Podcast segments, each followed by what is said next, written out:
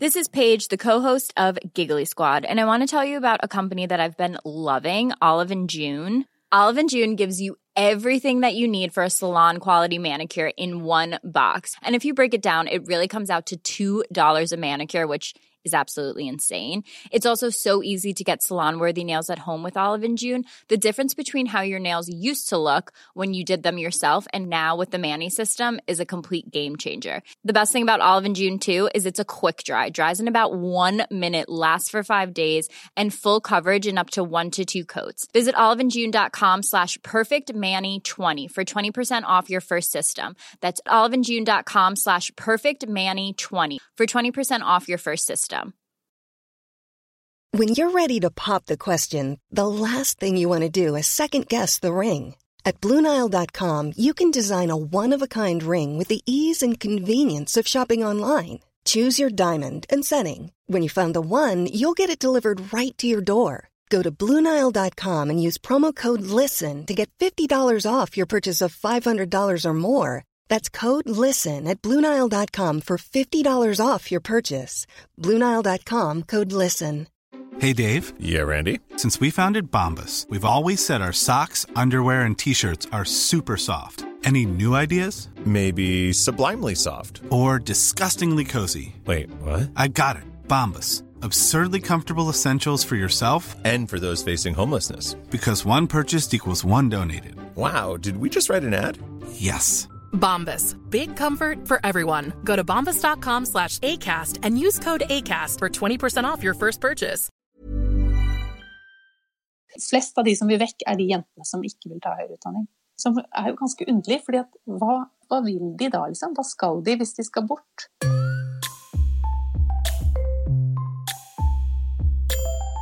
Ungdomsforsker Ingunn Marie Eriksen, velkommen til Hjemflyttepodden. Tusen takk for det. Jeg har jo sett at eh, dere har eh, kommet med en ny rapport om ungdomslivet på bygda. Og hva var de positive karakteristikkene ved bygdelivet for unge i dag? Gjennom det, den case-bygda som vi kaller for industribygd, så så vi at eh, sant, det er en sånn veldig sterk kultur der for å, å, at alle skal med, alle skal delta i idrett. og uh, uansett, liksom, det, er ikke, det er ikke snakk om prestasjon eller talent, det er bare dette gjør vi sammen. Det er sånn tilhørighet på tvers, på en måte, i, i ungdomspopulasjonen. At alle, alle skal være med. Og, og det er ikke prestasjonen som er det viktige, men det er en sånn solidaritet og en sånn dugnadsånd som står veldig sterkt. Også blant foreldrene, som vi også har intervjua, så, så var det verdier som sto veldig sterkt. Så det var på en måte den på tvers-tilhørigheten. Og I tillegg så, så vi også en sånn, helt sånn slående hvor mange av de ungdommene der som hadde veldig tett forhold til besteforeldrene sine. Og ofte så bodde besteforeldrene på begge sider av familien i samme bygda. Og hadde vokst opp der, de også. Og foreldrene hadde vokst opp der. Så det var en sånn, både den på tvers-tilhørigheten, som jeg nevnte i stad, og den måte, vertikale tilhørigheten i generasjoner. Da, Mm. Som gjorde at disse ungdommene hadde en sånn veldig sterk tilhørighet der hvor de bodde. Og det så vi også i det kvantitative materialet. Da vi, da vi undersøkte det, så så vi at eh, flere ungdommer i distriktene deltar i eh, organisert idrett. Og det er også flere på den måten at uh, det er hvordan skal man si det, det er flere med, med lavere sosioøkonomiske ressurser som deltar enn det er i, i, mer sentrale strøk. Så det er på en måte en sånn, det er rett og slett en, en større grad av tilhørighet og dype slektskap og deltakelse da, i distriktene. Og det er jo på en måte en sånn hva skal vi si, klisjé om bygda. At det er mer tilhørighet og, og dypere slektskap. Så sånn sett så var jo ikke det overraskende. Men det som var litt overraskende, var å se hvor store utslag de faktisk uh, fikk i det kvantitative datamaterialet særlig. da. Det høres ut som Einar Gerhardsens ånd lever videre på bygda? Absolutt, og det er jo noe som, som sosiologien har vært veldig opptatt av. er jo sant, Den type slektskapsbånd og sånne typer tette samfunn. At det er én type samfunn som er, har veldig mange positive sider ved seg. For da får man på en måte den sosiale støtten båten. Eh, man, eh, man, kan se for seg på en måte en eh, bukett tulipaner, hvor det er én tulipan som, som, begynner å henge med hodet, så stapper man den i midten, og så står den allikevel.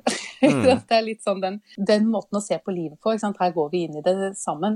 En, det er jo mange ulike sånn, sosiologiske teorier på det, men en som vi har liksom sett litt til da, i denne rapporten, er den sosial kapital-teorien. Hvor nettopp dette her er, er, sett på som en enorm fordel. Og veldig mye forskning løfter jo opp sosial kapital, som er nettopp disse tingene. Sosial støtte, tilhørighet, alt dette her. Eh, som på en måte noe man skal etterstrebe som noe veldig positivt. Hvordan er det dere forklarer det, at disse verdiene står så sterkt i Distrikts-Norge? Altså, sånn som det er i, i, den eh, bygda som vi har kalt for industribygd, så henger det jo mye sammen med også arbeidsplassene der og mulighetene for deltakelse. Ikke sant? For det er jo fra ungdomsperspektiv så, så kan det jo handle om at du går sammen med de samme eh, folka. På, fra barneskole over til ungdomsskole. Ja. Og har på en måte, og bor gjerne ganske fast. Det er jo, ikke, det er jo en ganske sånn rotfesta oppvekst. Eh, både med, med, venner og også med familie, og hvor familiene kjenner hverandre. Det blir veldig tette bånd. Mens i, i, en by som Oslo så er det jo mange mer Altså det er mye mer brudd, og det, eh, man skifter gjerne ganske radikalt klasse når man begynner på ungdomsskolen. Det er kanskje mindre kontakt mellom foreldrene. Det er jo ingen av våre, Vi som har barn på Vålerenga, så er det jo ingen her som har vokst opp her i generasjoner. Det er jo ingen besteforeldre eller det er ikke sant, men det er ikke mange som har besteforeldre som har vokst opp her. Eh, så det er, det er, mye mer en slags Man skaper noe nytt, litt fra scratch, da. Ja. For å sammenligne med som helt motpolen. og så har du også i, i industribygd f.eks., som er da vår case, så har du også det med, med arbeidsmarkedet, hvor det er én veldig sterk hjørnesteinsbedrift som har definert bygda i mange mange år, og som mye av økonomien og arbeidsplassene hviler på. Så veldig mange av foreldrene er jo kollegaer, og det skaper jo også en, et faktisk reelt relasjoner mellom de voksne. Og så er det jo også den tilhørigheten til måte, en bedrift og en, en retning der i bygda. Som, alt dette er jo med på å skape mange bånd og mye avhengighet mellom, mellom mennesker. Da. Hva var hovedgrunnene til at uh, ungdommer opplevde mistrivsel? Den sosiale kapitalen som er så sterk på bygda, så vi jo at hadde noen uh, ganske sterke ulemper, da. Hvis vi skal måte uh, ta tak i teorien. Og det, det, er jo på en måte i og for seg allment kjent at sterke bånd også kan ha noen sterke ulemper. Selv om vi begynte ikke med teorien, vi begynte med å se disse paradoksene i datamaterialet. Hvor vi da så at eh, jo lenger man kommer ut i distriktene, jo mer mobbing eh, opplevde ungdommene. Eh, jo lenger du kom på bygda, jo lavere selvbilde hadde ungdommene. Jo lenger du kommer på bygda, jo, jo, mer kroppspress, eller ikke kroppspress, men jo mer opplevde de at de var misfornøyd med eget utseende. Og når vi begynte å se nærmere på de tallene, eh, som man jo heldigvis kan med, med Ungdata, så, så, er det jo én ting å se det på en måte Hvis du klumper alt sammen, eh, så ser det ikke så dramatisk ut. Men da vi skilte på kjønn, på gutter og jenter, så så vi at det var enda mer dramatisk enn det vi først hadde sett. fordi da så vi at gutter stort sett like fornøyde. Altså det går en sånn rett strek på disse distriktsdimensjonene. Det er like fornøyde fra liksom det mest sentrale til det minst sentrale og oftest mye mer fornøyde enn jentene. Mens jentene ligger liksom allerede dårlig an i de mest sentrale strøkene. Og jo lenger du kommer ut på bygda, jo mer mobbing rapporterer de om. Og de figurene som, som vi så i det kvantitative materialet, var, det var virkelig det som var mest overraskende og mest sjokkerende. Altså det var virkelig sånn i alle dager. Eh, og det tror jeg ikke har Det er sikkert jeg som ikke har gjort nok research, altså, men jeg har ikke sett dette i noen annen forskning at mobbinga er så mye og helt sånn systematisk verre jo lenger du kommer ut på, på bygda blant jenter. Og da gikk det på selvfølelse og opplevd dårlig utseende, var det det? Mm -hmm. Mobbing, altså det er flere dimensjoner, men de som kanskje er mest dramatiske, syns jeg, og altså, ser, altså ser mest dramatiske ut i det kvantitative materialet, er mobbing, veldig mye verre på bygda for, for jenter, dårlig selvbilde og eh, og oppleve, synes syns man eh, hva er det for noe, eh, være misfornøyd med eget utseende. Mm. Og da vi gravde enda mer i dette datamaterialet, så så vi at det er også ganske innad i jentegruppa, så er det også ganske skeivt mellom de som har lavere sosioøkonomiske ressurser, og de som har høyere. Så de som har lavere sosioøkonomiske ressurser, har det aller verst på disse dimensjonene. Det var vel ingen overraskelse?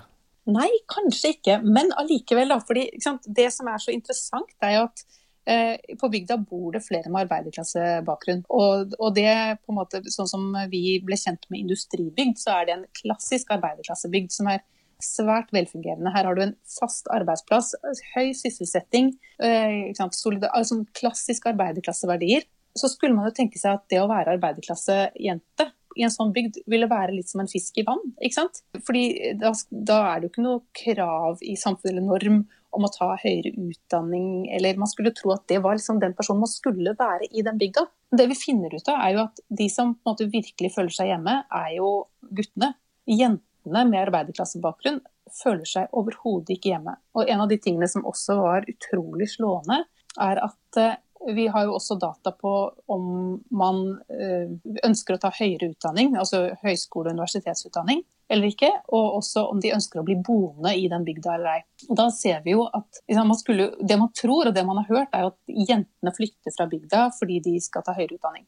Det har på en måte vært eh, forståelsen så langt. Mm. Men det vi fant, var jo helt omvendt. Altså De jentene som ønsker å ta høyere utdanning, de vil gjerne bli tilbake igjen til hjems, hjemmekommunen sin. Ja. Og, som jo er, også er litt sånn underlig. Men, men, det som var enda mer slående, var at de jentene som ikke skal ta høyere utdanning, de vil vekk. De vil ikke bo altså Veldig mange av de, da, ikke alle, men ikke sant? Eh, flest av de som vil vekk, er de jentene som ikke vil ta høyere utdanning.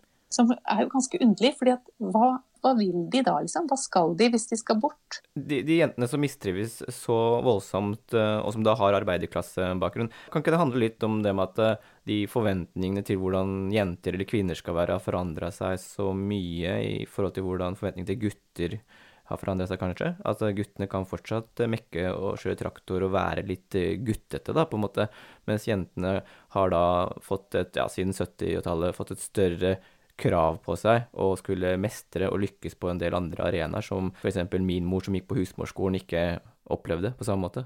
Jeg tror du er helt 100% rett i den uh, tolkningen der. Det er liksom spot on. Jeg tror det er uh, det der med å, at farmor og mormor og mamma og tanter og alle sammen har jobba i liksom, helsesektoren i bygda. ikke sant? Det, og, eller mormor og farmor var gjerne hjemmeværende, ikke sant? Men, men så kommer disse 13-14-15-åringene, og så har de helt andre idealer. Men samtidig ingen eh, altså samfunnsidealer, men liksom, de familieidealene sine og mulighetene i bygda er eh, jo sånn som, sånn som, de har vært. Og det er veldig lite arbeidsplasser annet enn i helsesektoren og jobbe i butikk som, som er tilgjengelig, i hvert fall i industribygg. mens Eh, idealene deres er noe helt annet. Mm. Uh, mens vi ser at guttene de skal jo inn, i hvert fall i industribygd, så så jo de for seg fremtid inn i denne hjørnesteinsbedriften. Som ikke bare var det økonomiske hjørnesteinsbedriften på en måte, som bar bygdas økonomi, men også var liksom bygdas stolthet. Dette var jo bygda. Ja. Så guttene de har en framtid som både er liksom i tråd med deres måte, maskulinitetsideal, og en sånn stolt framtid i, i, denne bedriften. Mens jentene de har ikke, selv om de på en måte er samme klassebakgrunn, så har ikke de eh, samme liksom, mulige utvikling så lenge det er så kjønnsdelt. Da. Og det var kanskje en av de store funnene som kanskje ikke er så overraskende, men at eh, det var så kjønnsdelt. Eh, som vi kanskje mest kan si basert på den eh, case-kommunen. Mm. eh, så, hvordan gutter og jenter oppfatta framtiden sin, var Eh, det var veldig ulik. Og ikke minst hvordan jentene da altså Det var veldig synlig i den bygda at eh, det å være litt grann annerledes eh, Eller ikke kanskje engang være annerledes, men bare tro at man er litt annerledes, førte til nesten liksom selvsagt utenforskap. Mm. Og det skjedde blant gutter òg, så det var ikke bare jentene. Men det var særlig jentene. Så det der med å føle seg litt annerledes, komme som innflytter, Altså helt, eh, helt, umulig, nesten. Pluss det der med at uh, normaliteten, liksom hva som er greit, uh, framsto som utrolig smal. Da. Så vi så jo blant Vi hadde da 21 ungdommer som vi intervjua i Industribygd. Og, og ti, ti, jenter og elleve gutter. Og av de ti jentene så var det åtte stykker som snakka om utfordringer med eh, liksom mat og utseende, slanking, veldig misfornøyd med egen kropp. Og de to siste de snakka om det, at det var mange som hadde det sånn. Ja. Så det var veldig slående da i de intervjuene hvor tøft det var. Altså, dette var da intervjuene når de var tolv år. Altså, de var virkelig, altså, de var jo barn. Allerede da så var det derre kroppspresset framstår som helt intenst, altså. Eh, og det kan man jo se i sammenheng med både mobbing og selvfølelse, som vi ser i det kvantitative materialet. Fordi vi vet jo at selv om mobbetallene i og for seg er Altså i sånn Det er jo ikke det er jo, Jeg tror det er sånn 9-10-11% så er det, jo, det er jo forferdelig mange. Men det er jo ikke alle som, som, som rapporterer om mobbing. Men alle ser jo mobbing når det foregår på skolen, så det påvirker en. Selv om man ikke er direkte den som blir mobba eller som mobber sjøl, så påvirker det ens forståelse av hva som er greit, og så tar man det til seg, og så oppfører man seg deretter. Mm. Når vi snakker om ungdom og trivsel på bygda, så, eller ungdom generelt, så er det jo vanskelig å ikke komme inn på det med drømmer, framtidsutsikter, ambisjoner, jobb, karriere. Alle disse tinga som enten veldig bevisst og mer ubevisst hos andre, alltid vil ligge liksom i bakgrunnen som et av de bakgrunnsprogrammene på PC-en som bare jobber og jobber, og på en eller annen måte mystisk kanskje for noen, mindre mystisk for andre, trekker deg i en eller annen retning da, i livet. Du snakka om det med kroppspresset, men det andre presset som jeg også har sett at du har eh, undersøkt litt, det er jo det med prestasjonspresset på skole, og, og skolestress. Hvordan står det til med det eh, på bygda? Det er jo en av de veldig eh, interessante tingene som vi først klødde oss veldig i over. For vi så jo på de første kjøringene vi gjorde på det kvantitative materialet, så så vi liksom, alle disse trekkene som jeg nå har snakka om. Hvordan ting ble verre og verre jo lenger ut du kom i distriktene. Altså, og så så vi samtidig at uh, psykisk helseplagene, som jo har økt vanvittig mye de siste tiårene blant jenter, det var faktisk Eh, fortsatt skyhøyt altså blant jenter på bygda, men allikevel lavere enn det er i byen. Ja. Og det er jo liksom paradoksalt, fordi man skulle tro at altså, Vi vet jo at psykisk helse henger veldig tatt sammen med mobbing og selvbilde og kroppspress og alt det der. Så hvorfor er det da lavere i distriktene blant jenter? Altså Relativt sett, det er jo ikke vanvittig mye, det er, men det er litt lavere. ikke sant? Mm. Um, men grunnen til det da, er jo at, um, som vi, vår teori, er at uh, forholdsvis de tallene på mobbing og, og, og selvbilde og sånn, de er jo ganske lave tross alt. Mens psykisk helseplagene de ligger generelt Det er mange flere i befolkningen som har psykiske helseplager, eller som rapporterer om det. Og veldig ofte så henger det sammen med skolepress og prestasjonspress. Press på å bli et eller annet fabelaktig. Og det er jo, eh, tror vi, forklaringen på hvorfor det er lavere på bygda. For der er det jo veldig mange færre som tenker seg å ta høyere utdanning.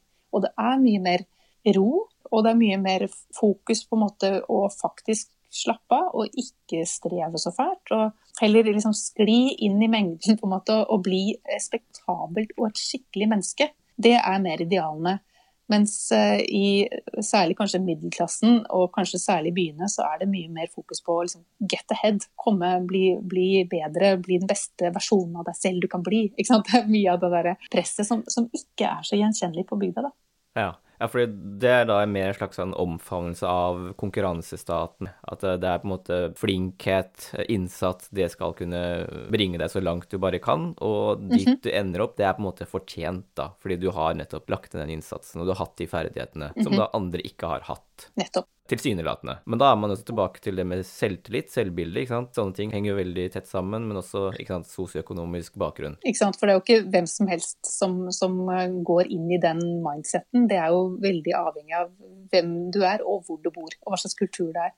Jeg driver akkurat nå ferdigstiller en artikkel som eh, som eh, på en måte handler litt om det begrepet grit. Mm. Har du hørt om det? Ja. Stå-på-vilje og liksom, masse sånn populærpsykologi som er skrevet om dette temaet, om at nå er det ikke lenger talentet som skal gjøre at du gjør det bra og gjør liksom suksess i livet. Det er liksom at du står på uansett og aldri gir opp. Mm. Og de ungdommene som jeg intervjua, dette her var jo i sånn stress og press-prosjekt, så det var jo med, liksom, med en førforståelse om at uh, disse ungdommene hadde det jo ikke så bra. De var jo allerede liksom stressed uh, ut av all kontroll.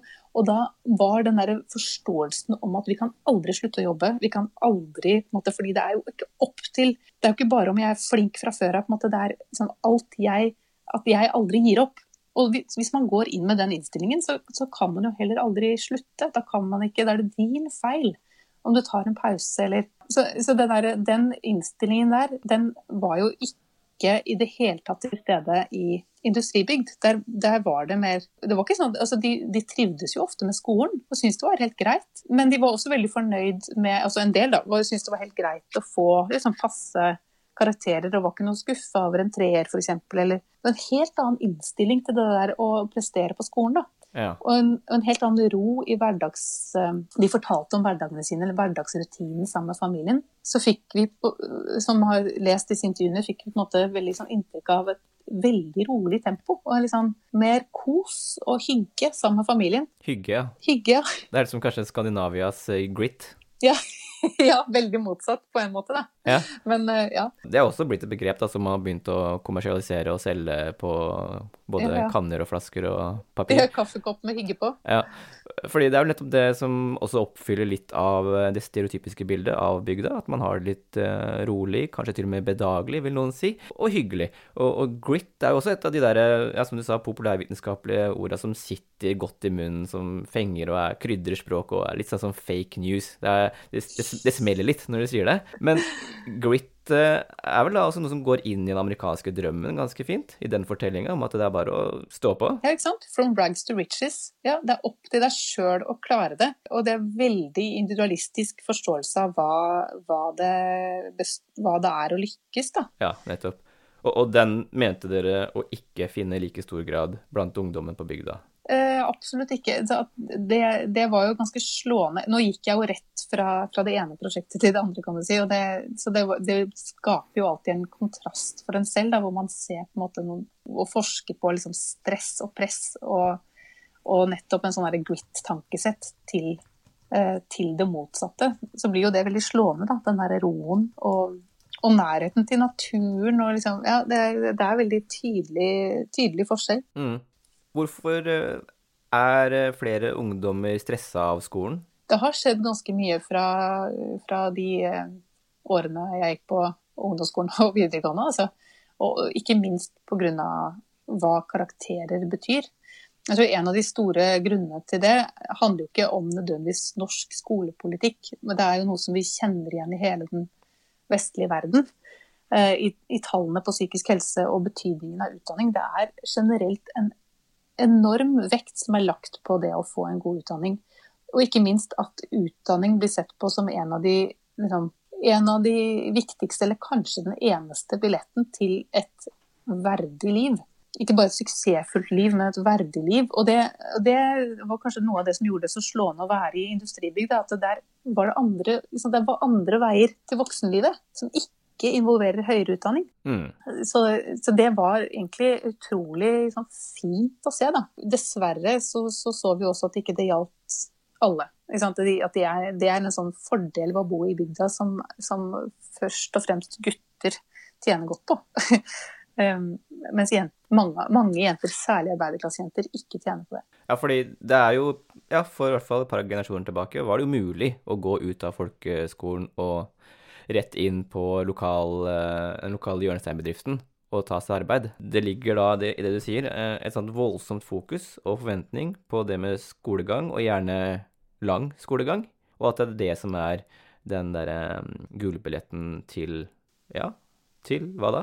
Høyere livskvalitet? Er det det som er målet, eller hvordan er det ungdommen ser for seg et godt liv? Det er et veldig godt spørsmål. fordi at veldig ofte så hadde de mine informanter problemer med å svare på akkurat det spørsmålet. Men det de kunne si, var en sånn katastrofeformulering av hva skjer hvis ikke Og da, jeg intervjua jo en del av disse ungdommene, gikk jo da i tiende trinn, på tiende trinn og skulle til å begynne på videregående skole i Oslo. Ja. Altså peak stress moment in life, da kan du tenke deg. Hvor eh, det å ikke komme inn på riktig videregående skole var katastrofe. Altså var, da, da, brukte de altså virkelig så sterke ord. Alt går alt går til helvete. Livet blir ødelagt. Altså, en følelse av Det er jo ikke faktisk tilfellet. Du hadde klart deg fint hvis du hadde kommet inn på en annen videregående skole, men det er den opplevelsen av at livet er ødelagt. Og så, så, prøvde jo vi å komme inn på ja, men hvordan, Hva betyr det at livet hva, hvordan, hva mener du, liksom? Så, så, var det på en måte ikke noe gode svar på det, som, som, jo for meg sier at det er en sånn følelse mer enn en realitet, som jeg tror dreier seg om verdighet. og så få et liksom, liv som er eh, måte, bra nok. Eh, som, som, fordi det blir målt på en del av de tingene vi har snakka om. Altså høy utdannelse, bra jobb ikke? Ja. Ikke minst så skal du gjøre noe nyttig og viktig og gøy. Det skal være identiteten din. Det skal være noe du kan fortelle om til andre uten å skjems. Ja, så det er ingen som har lyst til å bli, eller være en del av the deplorables, som Hillary Clinton kalte arbeiderklassen. Nettopp, ikke sant. Tenk det. Mens uh, i industribygd, for å stadig vende tilbake til det, så var det jo en stolthet i å gjøre Selvfølgelig det var en liksom, strålende arbeiderklassebygd på mange måter, med enormt mange liksom, gode verdier. Og det å, å høre til der handla jo også om å, være, å gjøre en del av disse arbeiderklassejobbene som var fylt med stolthet. Så der har vi jo liksom, by, bylivet en del å lære, tenker jeg. Og det der med den sosiale kapitalen på bygda, hvordan er det den omsettes, hvis eh, disse jentene da flytter til Bergen eller Oslo for å studere? Et kjempegodt spørsmål, fordi sosial kapital på den måten lar seg jo ikke omsettes så godt. Og det er jo den store forskjellen med den kapitalen som man erverver seg i, gjennom utdanning. Den kan jo veldig lett oversettes, og du blir mye mer eh, mobil. Og du kan få mange flere valgmuligheter. Mens eh, den sosiale kapitalen, som er enormt styrkende, og kan også være ganske uh, fullt av uheldige uh, ting, som utestengelse og en stram konformitet. Men uansett, den type sosial kapital den lar seg jo ikke oversette helt på samme måte. da. Fordi det er jo veldig personavhengig. Det er jo avhengig av at du har nettopp disse personene som du kjenner godt, og som, har, som mamma og pappa har kjent og mormor har kjent i generasjoner. ikke sant? Mm. Så det, det, er jo en, en, en liksom tankekors da, at de jentene som mistrives mest, er de som ikke har tenkt å ta høyere utdanning, og som vil vekk. Fordi det de har, er jo den sosiale kapitalen. Så hva, jeg, jeg blir oppriktig bekymra for hva de har tenkt å hva har de tenkt å finne på da? Det var jo flere av informantene av de jentene som tenkte at de skulle bli liksom, superstjerner i USA, eller som framstår som litt lite sannsynlig, kanskje, og, og litt sånn flukt eh, det, det, minnet om en slags fluktønske fordi de mistrivdes, så ville de bare vekk. Og da er markedet da på en måte der og tilbyr ulike fluktmuligheter, og noen av de fluktmulighetene er mer Hva skal man si? Altså urealistisk er jo det jeg vil lyst til å si, men i dag, i mulighetenes uh, samfunn, så skal man kanskje ikke si hva som er realistisk og urealistisk, for alt er på en måte oppnåelig. Er det ikke det litt av den, litt av den tilstanden barna vokser opp i? At alt skal være oppnåelig, at alle har like muligheter og at mulighetene er på en måte det som gir en slags type verdighet i livet. De som tar de mulighetene, kanskje, og, og, og, liksom, og klarer gjennom grit å oppnå de mulighetene for deg. For det er jo et stort sprik mellom det man liksom tilsynelatende får presentert at det er mulig å, å, oppnå, og det å faktisk gjøre det, og være den som bryter gjennom eteren og klarer å lage en YouTube-profil som slår an, eller det, det, at man eh, potensielt kan bedrive en slags uh, suksessfull bedrift eller noe sånt fra, fra, fra, barnerommet hjemme i bygda, det er jo en, en faktisk reell altså det, det, kan man jo potensielt, men muligheten til å klare det er jo uh, ganske begrensa, da. Ja. Hvor viktig er ungdomsåra for mulighetene seinere i livet? Altså, vi, vi, vet jo at det å, å, bli mobba og ikke føle at du passer inn, har enormt stor konsekvens for selvbildet. Ikke bare akkurat der og da, men når du blir eldre. Altså, det, det, har veldig mye å si. Det former deg jo som person. Og jeg tror særlig det der eh, Det tror jeg er liksom lite forstått, er opplevelsen av å ikke passe inn. Fordi det er så grunnleggende menneskelig å oppleve at du ikke er bra nok som du er. Eh, den opplevelsen tror jeg former deg så utrolig eh, masse. Jeg har en, en kollega som har skrevet om det å, å vokse opp eh, som skeiv på bygda. Helga Eggebø. Hun og kollegaer. De har intervjua voksne som ser tilbake på oppveksten på bygda. Og de eh, har jo en sånn opplevelse av det der med å, å som, som, faller altså Det er veldig likt det vi har beskrevet. da. Bare at nå er det voksne som ser tilbake, mens vi har jo intervjua ungdom som står i det. Men de voksne som har opplevd å ikke passe inn, og knytter det jo veldig til sted, altså det stedet de vokste opp på, særlig ungdomsskolen. Og du skjønner gjennom deres fortellinger hvor mye det har forma dem. Og noen av de vil jo faktisk komme tilbake igjen til bygda selv om forferdelig mange av de vil aldri finne på å komme tilbake. Men de som har lyst til å komme tilbake, de har lyst til å måte reformere bygda. Komme tilbake og holde foredrag, lære opp folk. Jeg bare synes Det sier ganske mye om hvor formativt det er, de opplevelsene. Det, det blir en sånn mission in life. Enten å holde deg unna, eller dra tilbake og fikse det. Så det er ikke noe man bare opplever å gå videre. Det er noe som virkelig former en. Også. Mm. En ting til, det med mulighetene. Jeg har tenkt på det med at eh, grunnen til at så mange ungdommer føler seg da utilstrekkelige og mislykka og under så stort press, er det nettopp, eh, nettopp, det at vi har så mange muligheter i dag. Altså, alle har jo ikke samme muligheter til å selv realisere seg, for å bruke det uttrykket, men er det nettopp på grunn av de tilsynelatende mulighetene at folk kan føle den utilstrekkeligheten?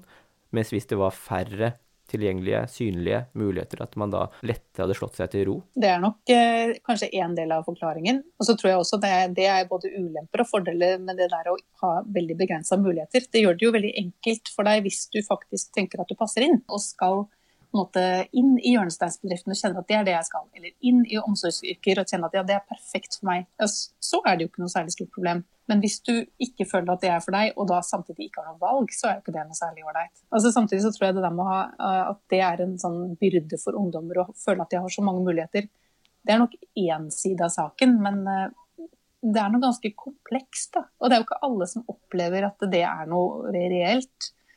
Men de må jo nå, altså Min sønn i åttende klasse får jo nå sånn utdanningsvalgfag. For de jobber allerede nå med å måte, finne ut av hva de vil. og Altså, man blir jo Det er jo både positivt og negativt det at man får veiledning.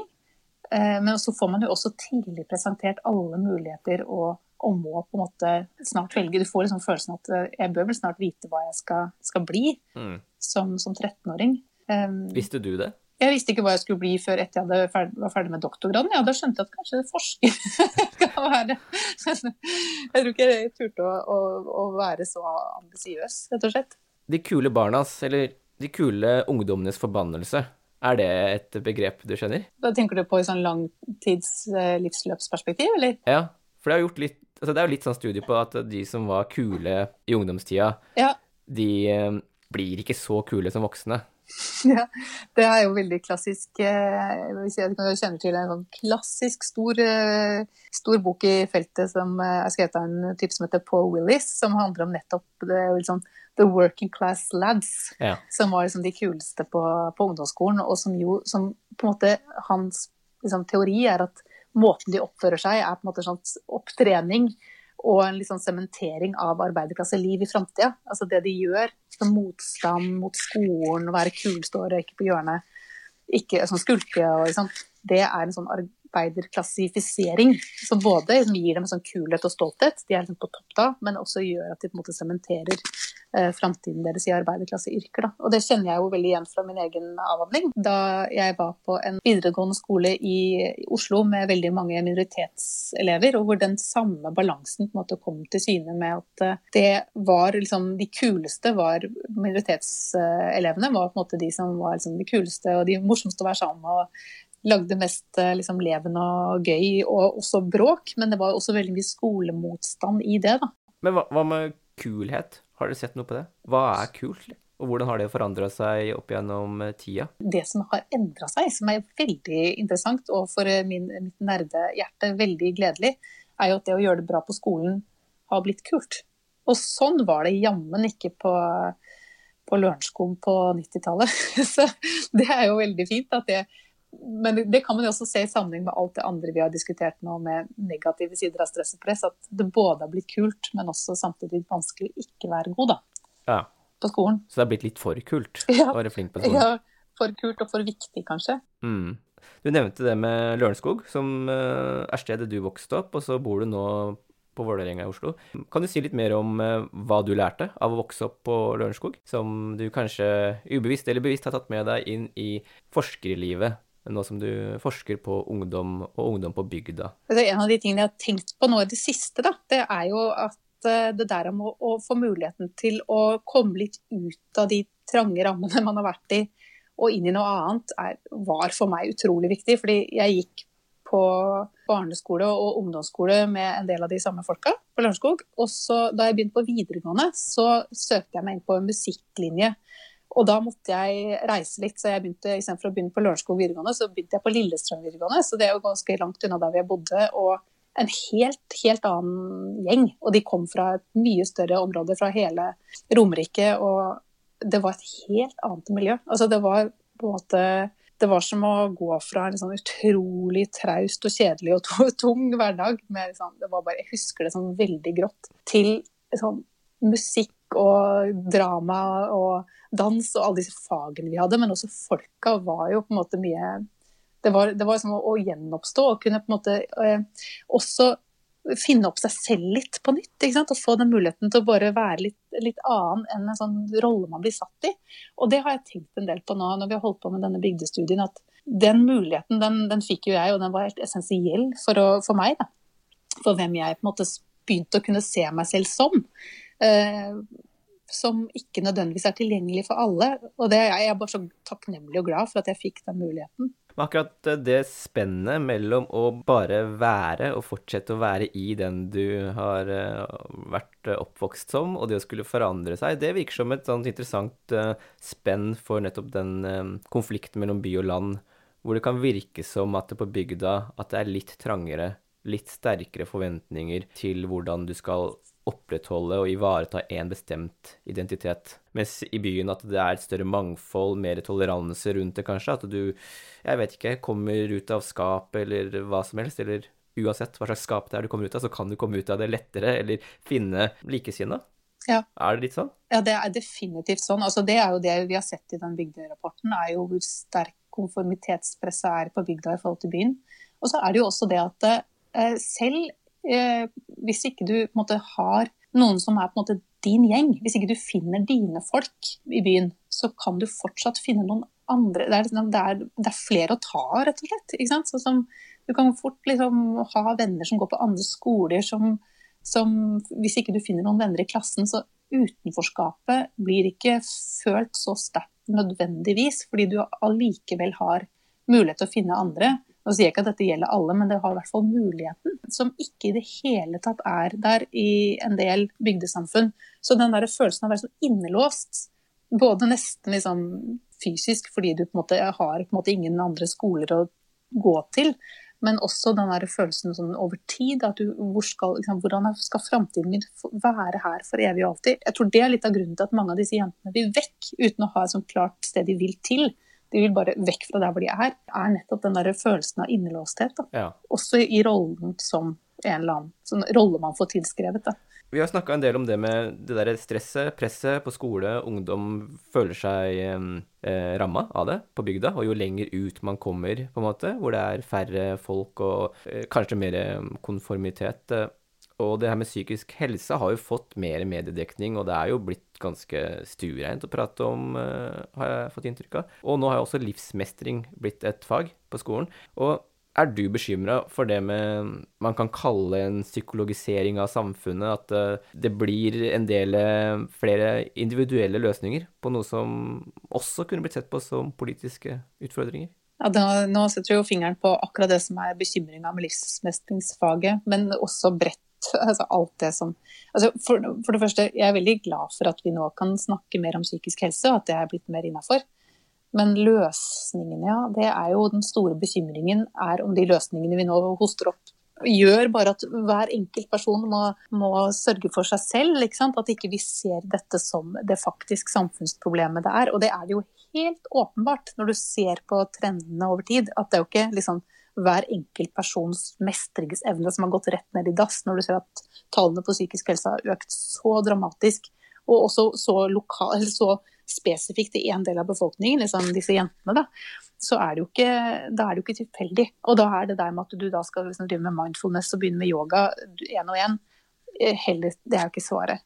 Og det som er utrolig paradoksalt, er at all den forskningen som viser at dette har med skolepress å gjøre, og, utdanningskravene å gjøre. Og mengden arbeid. Aldri få ro, aldri få tid til å hente seg igjen. For det er alltid mer ting du kan gjøre. Kombinert med at det skal gjøres liksom det, det, kan, det, kan, alltid bli bedre. Du skal sitte der og drive gruppearbeid, og skal, alle skal måtte, jobbe til de stuper, og så er det jammen tonn igjen dagen etter. Så får man aldri hente seg inn. Og så skal man putte inn enda mer mm. uh, inn i skolen nå med dette livsmestringsfaget, som er sånn paradoksalt. da. Ikke sant? Altså, virkelig, er det løsningen? Det her med at man aldri får fri, da, som du sier, er det det at man har fått et nytt blikk på selvet som et prosjekt? Ja. Et uh, ongoing prosjekt. Altså det er blitt en slags bedrift da, av selvet, som hele tiden kan, kan hele tiden vokse og forbedre seg, optimere seg år for år, og kaste av mer og mer for år for år. Ja, dette er, det er så interessant, og det er akkurat dette jeg driver og jobber med nå. Det er prosjekt, og det er mange typer prosjekter man har som ungdom, f.eks. estetiseringsprosjektet, skoleprosjektet.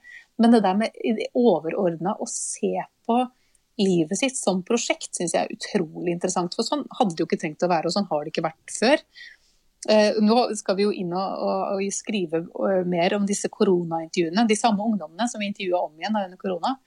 Om hvordan de så på og på hvilke måter de så på koronatiden som et prosjekt. Altså Hvordan kan vi bruke denne pandemien, denne store, gigantiske krisen vi står i, som selvforbedringsprosjekt? ikke sant? Som jo helt er, altså, sett utenfra, litt sånn absurd. Altså, det er jo en krise. Skal vi virkelig sånn nå gjøre seg pen, fokusere på skolen?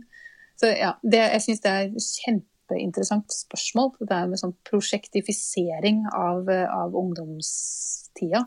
Mm. Som noe mer enn å bare loke. For jeg, husker jo tilbake fra min ungdomstid som mer sånn her planløs loking rundt. Det var ikke det at jeg ikke hadde prosjekter, men det var på en måte ikke det som definerte ungdomstida for meg, liksom. Tenk på det med at det, det, bildet jeg vokste opp med Du ser liksom filmer som Fight Club, og du hører mye sånn der kritikk av A4-livet, White Picket Fence og hele pakka. Og da var vel det bildet som ble gitt deg da, da man vokste opp, eh, var vel at da havna man i et hamsterhjul. Og det var en sånn kjip, eh, kynisk sjef som fikk deg til å løpe og spinne rundt og rundt og rundt og på en måte hate livet, hate jobben. Mens det prosjektet vi snakka om i stad, det er da mer den derre internaliserte sjefen som på en måte styrer deg innenfra, hvor du selv får en følelse av at du er selvstyrt, autonom. Du har ikke den derre fysiske, kjipe sjefen, kanskje som sitter ved siden av deg i det åpne kontorlandskapet, men allikevel så er det da like fortærende, kanskje. Mm. Kanskje verre. Mm. Fordi du har ikke mm. en ytre person å rette noe, verken, hva skal jeg si, lønnskrav mot eller noe som helst sanksjoner mot. Mm. Det er deg selv mm -hmm. som er eh, fullt og helt ansvarlig for hvordan dette prosjektet skal gå, om du får bedre avkastning neste år eller ikke. Mm -hmm. er, det liksom den, er det det skiftet der uh, vi nå har gjort, hvor på en måte flere og flere, ikke bare frilansere, men kanskje flere også som kan jobbe som hva som helst, egentlig, får denne opplevelsen at man har et sånt indre livsprosjekt som kan være veldig, veldig krevende? Oh, nå, dette er så midt i det jeg er opptatt av om dagen. Det er så interessant, og jeg tror det har helt helt rett i at det, det er generelt skifte over til at man skal være indredrevet. Og at det tror jeg er mye som er veldig positivt med det. fordi at det skaper jo en mye større motivasjon eh, til å, å, gjøre ting med lyst og glede, på en måte. Og, og, men det skaper jo også, og det tror jeg man må være litt på vakt eh, mot, at det skaper en sånn herre drivkraft som ikke lar seg stoppe. Det er ikke noen grenser for sånn, hva man skal oppnå, hvor lenge man skal jobbe. Fordi det, er ingen ytre eh, struktur som hindrer deg for å brenne deg ut. Da. Mm. Men det som er veldig interessant, jeg gjorde en studie av dette her for, eh, fjor, som kom ut i fjor, hvor jeg sammenligna eh, ungdom og hvordan de snakka om foreldrene sine, sin impact på den akademiske stressfølelsen. Og, og så, altså de ungdommene som hadde foreldre som hadde veldig sånn strenge eksterne grenser og sånn pisk og gulrot, de klandret jo foreldrene sine en del for det stresset de opplevde. Ja. Fordi da har du noen å peke fingeren på. ikke sant? Mm. Altså, det er mamma sin feil. Det er mamma som krever at jeg bare skal få seksere. Og jeg hadde informanter som på en måte fikk eh, penger når de fikk gode karakterer, men også måtte betale foreldrene penger når de fikk dårligere karakterer. Altså, de fikk 500 når de fikk en sekser, og hvis de gikk under en treer, så måtte de betale det motsatte tilbake til foreldrene. Så på den, på den, ene siden så hadde du de ungdommene, så hadde du på den andre siden de ungdommene som hadde foreldre, gjerne fra den liksom kulturelle klassen, på en måte, som ga dem en sånn De kunne ikke helt peke på hvor det kom fra, men de hadde en veldig sånn indredrevet motivasjon. Som er klart veldig vanskelig å si. Veldig mange tenkte ja, det kommer jo sikkert fra foreldrene mine, men de har aldri krevet noe av meg. Jeg bare føler at jeg må. Ikke sant? Mye, mye vagere. Ja. Ikke, no, ikke noen aktør å peke på. Det er ikke noens feil. Ja, ikke? Men det som var veldig interessant, var at begge disse to gruppene av ungdommer, både de som hadde på en måte en foreldre å skylde på, og de som ikke hadde noen å skylde på, de var jo like stressa. Ja, det var det, ja. Så det var, det var ikke, så det var ikke noe sånn skille som jeg kunne se i det kvalitative materialet med hvordan de opplevde sin egen situasjon. Den eneste forskjellen var at de ene hadde liksom noen å klandre, og de andre måtte bare klandre seg selv. Og det kan man jo tenke seg at betyr noe. Mm. Eh, Jeg vil i hvert fall se for meg at det hadde vært lettere å klandre noen andre, for da kunne du i hvert fall gjøre opprør. Mm. Ungdomsforsker eh, Ingunn Eriksen, du er jo nå bosatt på Vålerenga, som jo er da eh, der min svigerfar også vokste opp på 60- og 70-tallet. Han har jo beskrevet det som utrolig røft å vokse opp der. Jeg vil jo tro at det ikke er like røft i dag for dine barn å vokse opp der eh, midt i Oslo med denne litt sånn landsbyaktige følelsen. Det er nok en ganske voldsom gentrifisering som har skjedd siden din svigerfar vokste opp her på 70-tallet. Man har jo merka det bare mens vi har bodd her, egentlig, at det, det skjer en gradvis utskifting, men er nok fortsatt ganske mangfoldig. Både i, i form av ulike klassebakgrunner og i form av ulike etnisiteter og hva man syns er, er viktig i livet. Så jeg tror nok det er godt, godt mangfold. Men falt valget nettopp på dette stedet for at det er litt sånn landlig og bygdeaktig der? Definitivt. Altså, det er jo eh, helt eh, objektivt det koseligste stedet i Oslo. Det er jo både disse sånn, det er jo sånn fargerike små trehus og den fantastiske parken og Oslos vakreste kirke. Og samtidig en urskog som ligger altså rett nedafor der hvor vi bor. Som er eh, ikke så stor, men den er veldig beskytta. Og det som, som ganske få vet om, tror jeg. Som er altså en kombinasjon av de fineste tingene jeg veit. Pluss at det er jo ekstremt sentralt og veldig bra folk som bor her, syns jeg. Så for oss er dette det beste stedet å bo. Ja, ikke sant. Altså, jeg, må jo også spørre deg, siden du er forsker Altså, du er jo samfunnsviter og forsker på alle disse mekanismene og valgene man tar eh, ubevisst eller bevisst. Og det med Vålerenga er jo da eh, en sånn arbeiderklassebastion, er det ikke det? Altså, selv om da det har vært en gentrifisering, så ligger det vel i litt av stedets sjarme eller opplevelsen av det. At det er noe slags forgangent, at det er nettopp den der eh, bygdas verdier som du snakka om, med tettere bånd og en form for alle skal med-vibe.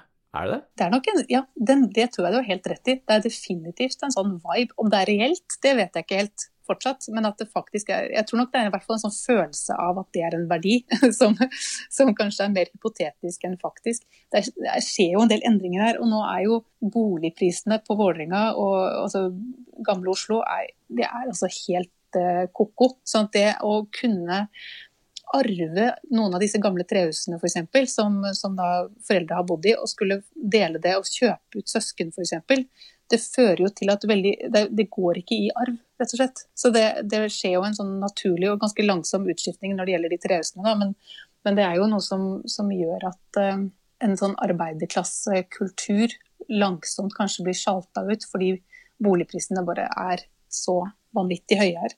Ingunn Eriksen, ungdomsforsker ved Oslo OsloMet. Hva er et godt sted å bo, tenker du? Jeg tror Det må jo være et sted hvor man føler tilhørighet. Og føler at man blir godtatt som det man er. Og føle at man har en framtid. Det tror jeg er ganske generelt for et godt sted å bo. For Hvis ikke du føler at du har en framtid et sted, så, så, vil man jo måtte vekk. Og hvis man ikke føler at man hører til, så vil det påvirke både hvordan man har det nå, og hvordan man ser på seg selv i framtida. Ingunn Eriksen, tusen takk for praten. I like måte.